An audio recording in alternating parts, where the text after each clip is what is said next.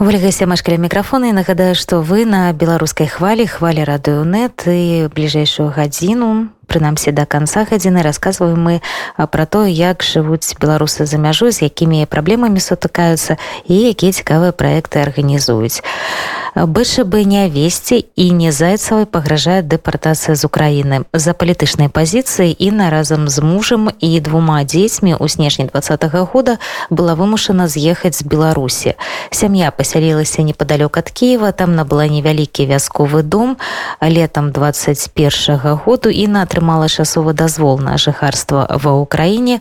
Ну а зараз у 22 годзе трэба было гэты дазвол працягваць. Але ўзніклі праблемы. У выніку парушэння міграцыйнага заканадаўства патэнцыяльная пагроза не уезду ва ўкраіну. Про гэта про гэту гісторыю стала вядома напярэдадні і на сама яе пісала і потым падрабязнасці расказала журналістам.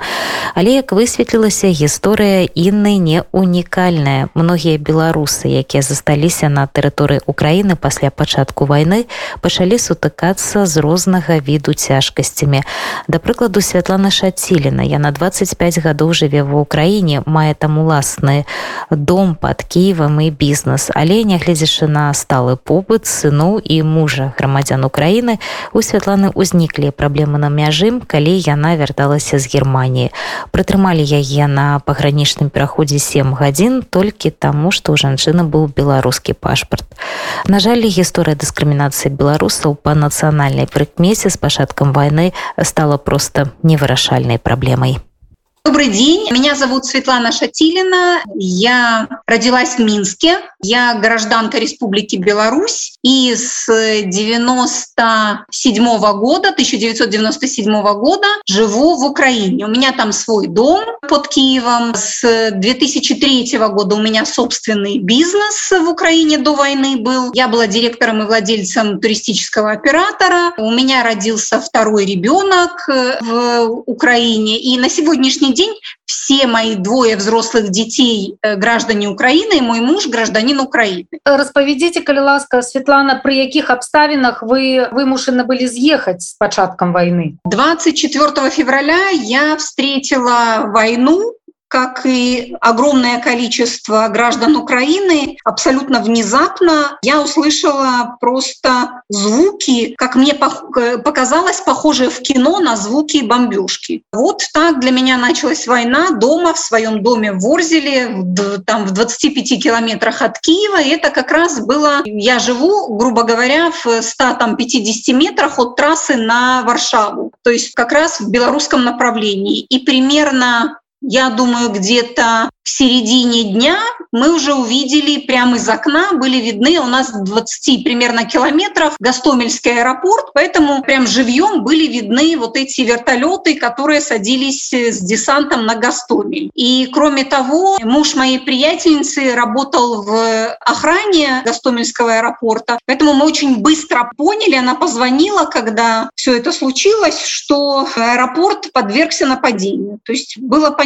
что ну вот война. Дети и муж достаточно быстро уехали с попытками как бы пойти в тероборону, ну или там, где быть нужным, потому что у сына был опыт э, добровольца, и он хорошо владеет оружием, ну еще с 2015 года. Ну я осталась дома, и 3 марта я увидела живьем вдоль своей улицы русские танки. До 9 марта я находилась вот это слово, я к нему никак не могу привыкнуть, оно какое-то оскорбительное для меня, под оккупацией. И особенно оскорбительно было вот этот гуманитарный коридор, то есть меня просто перло, когда я живу у себя дома, и какие-то пришедшие орки мне почему-то разрешают покинуть место, где я все время живу. То есть вот эти эмоции, они, конечно, ну просто разрывали. А, когда ты садишься в машину собственную и вынужден какие-то тряпки белые присобачивать к, к машине или там белые куски бумаги, для меня это очень унизительно была процедура вся эта. Муж приехал, то есть муж фактически вывозил, потому что на 9 был согласован коридор. Это я выезжала сама со свекровью, с двумя собаками, кошкой, там двумя соседями, еще с тремя собаками, и еще двух людей мы взяли. То есть вот все, что могли взять на борт,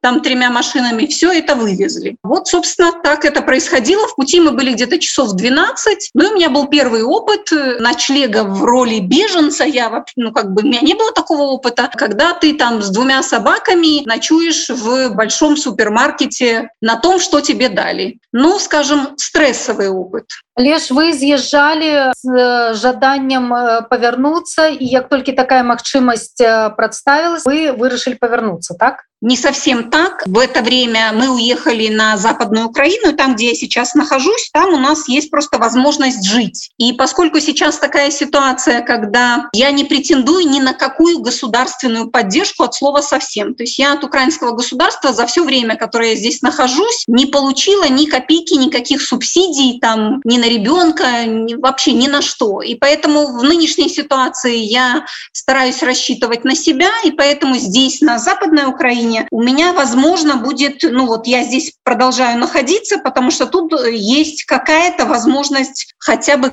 как-то себя содержать. А в Бразилии, да, у меня там осталось, остались родные, дети туда приезжают дети, там один сын под ружьем, второй, как я говорю, мозгами работает на, укра... на украинскую армию. Поэтому пока я здесь на западной Украине, если быть точной. А якое адбылося здарэнне, якое вас э, пакрыўдзіла ўжо з боку украінцаў толькі на подставе того, что вы з'яўляетесь э, грамадзянкой Беларуси?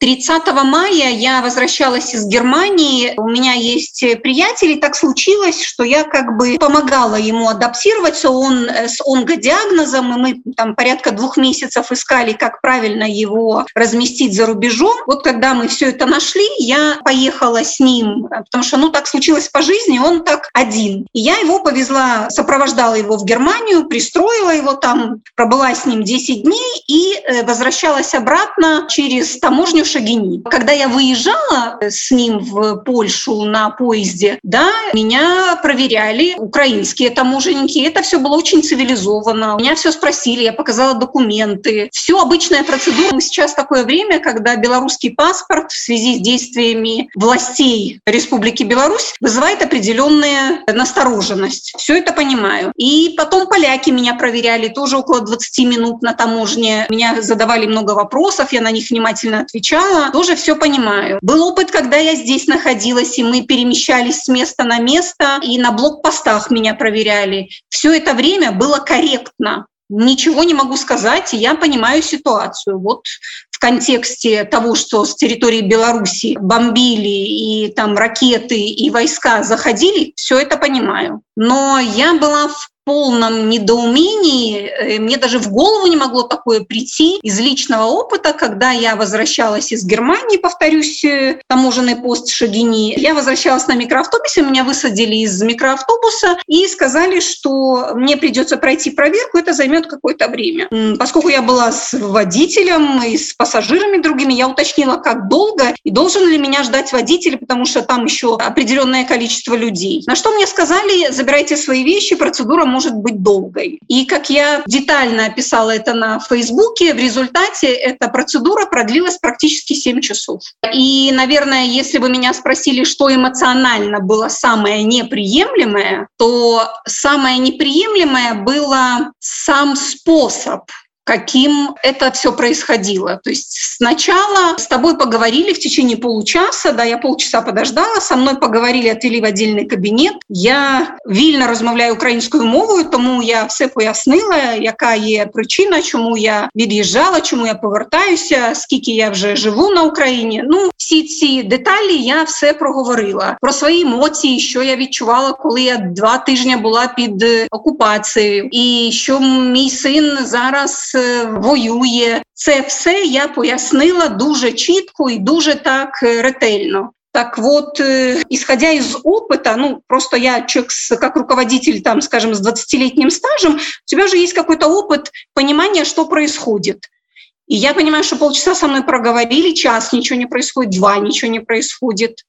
Я зашла и говорю, ну, я знаю, что вы можете в течение трех часов меня проверять, и вы скажите мне, что будет происходить. И когда ты понимаешь, что с тобой разговаривают таким тоном, как будто бы ты, я не знаю, ну вот и есть этот орк, или ты что-то такое отнял, или ты что-то такое должен. Ну, из меня перли эмоции, я, конечно, эмоционировала. Я сказала, я не понимаю, почему вы так со мной разговариваете. Я не понимаю, если у вас ко мне есть претензии, предъявите их мне. Если вы меня просто держите, то объясните мне, какая причина этой задержки. И ничего, кроме фразы «ну что, вы не знаете, у вас белорусский паспорт», эмоционально ты, с одной стороны, у тебя все внутри кипит, ты готов просто порвать тех, кто с тобой разговаривает. С другой стороны, ты находишься в полном бессилии, потому что маленькие люди, в чьей власти сказать «да» или «нет», ну вот прям мне так показалось, прям испытывали физическое удовольствие от того, что они могут иметь власть над человеком вот в данный конкретный момент. И, конечно, это было бесконечно унизительно для меня. То есть я ощущала себя как какой-то, я не знаю, человек в тюрьме, над которым можно издеваться, потому что он не может дать сдачи. Светлана но пры гэтым насколько я разумею у вас нават не так званая тымчасовая посведка на пражыванне ва Украине не, не, не, у меня вид постоянный вид на жительство да да да у меня постоянный вид на жительство полученный уже достаточно давно. И я с точки зрения украинского государства, налогоплательщика, являюсь резидентом Украины. У меня есть счета в банке, у меня есть собственная недвижимость на, моё, на меня оформленная. То есть я занималась бизнесом, платила налоги, у меня были наемные сотрудники. Все, что делает обычный гражданин, у меня есть такие же права, кроме права голосовать и покупать сельскохозяйственную землю. Всеми остальными правами я пользуюсь. И вот 7 годин вас так протратили атрымалі і что потым вам сказали як вас пропустили і чым увогуле гэтая гісторыя скончылася ну знаете все-таки есть в этой стране и украинцы поэтому конечно я э, постаралась э, найти вариант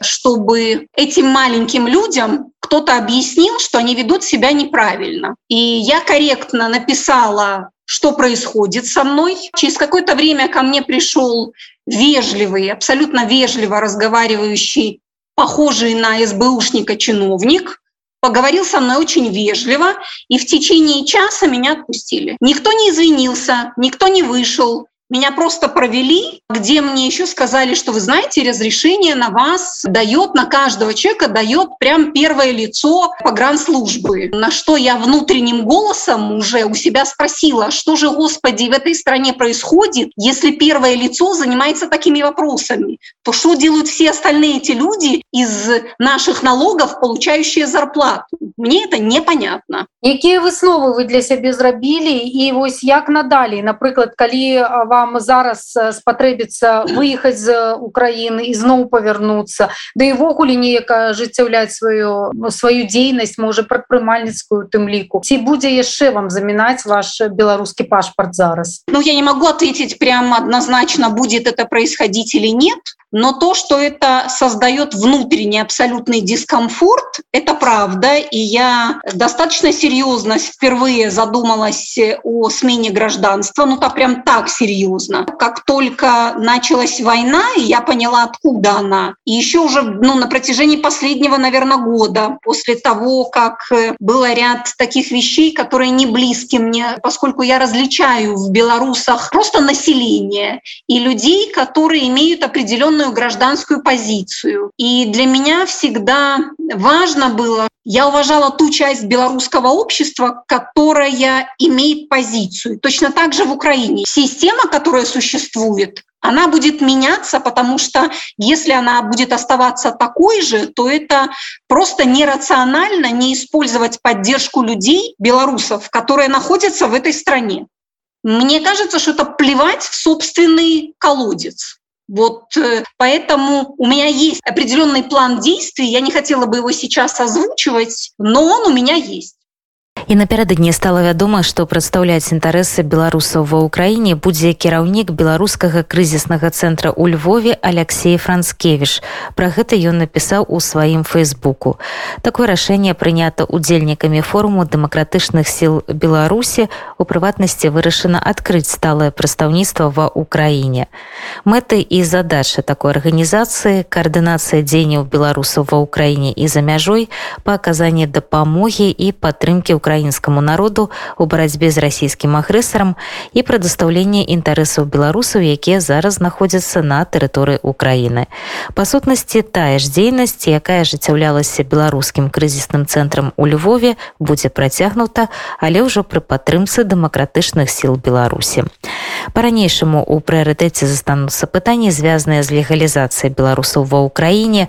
дапамога украінскім вСУ у тым ліку беларусам якія ваююць на баку Украіны дапамога украінскім і беларускім уцікачам дастаўка і разгрузка гуманітарнай дапамогі дапамога беларусам якія працягваюць пражываць ва ўкраіне у вырашэнні юрыдычных пытанняў таксама дапамога з разблакіроўкай банкаўскіх рахункаў беларусаў рашэнне звязанае са змякчэннем абмежаванняў у дачыненні да беларусаў ва ўкраіне і прадастаўленне абароны з боку украінскіх улад нагадаю што сваё аддзяленне ва ўкраіне стварыў і офіс святланы ціхановскай там займаюцца прыблізна тымі ж пытаннямі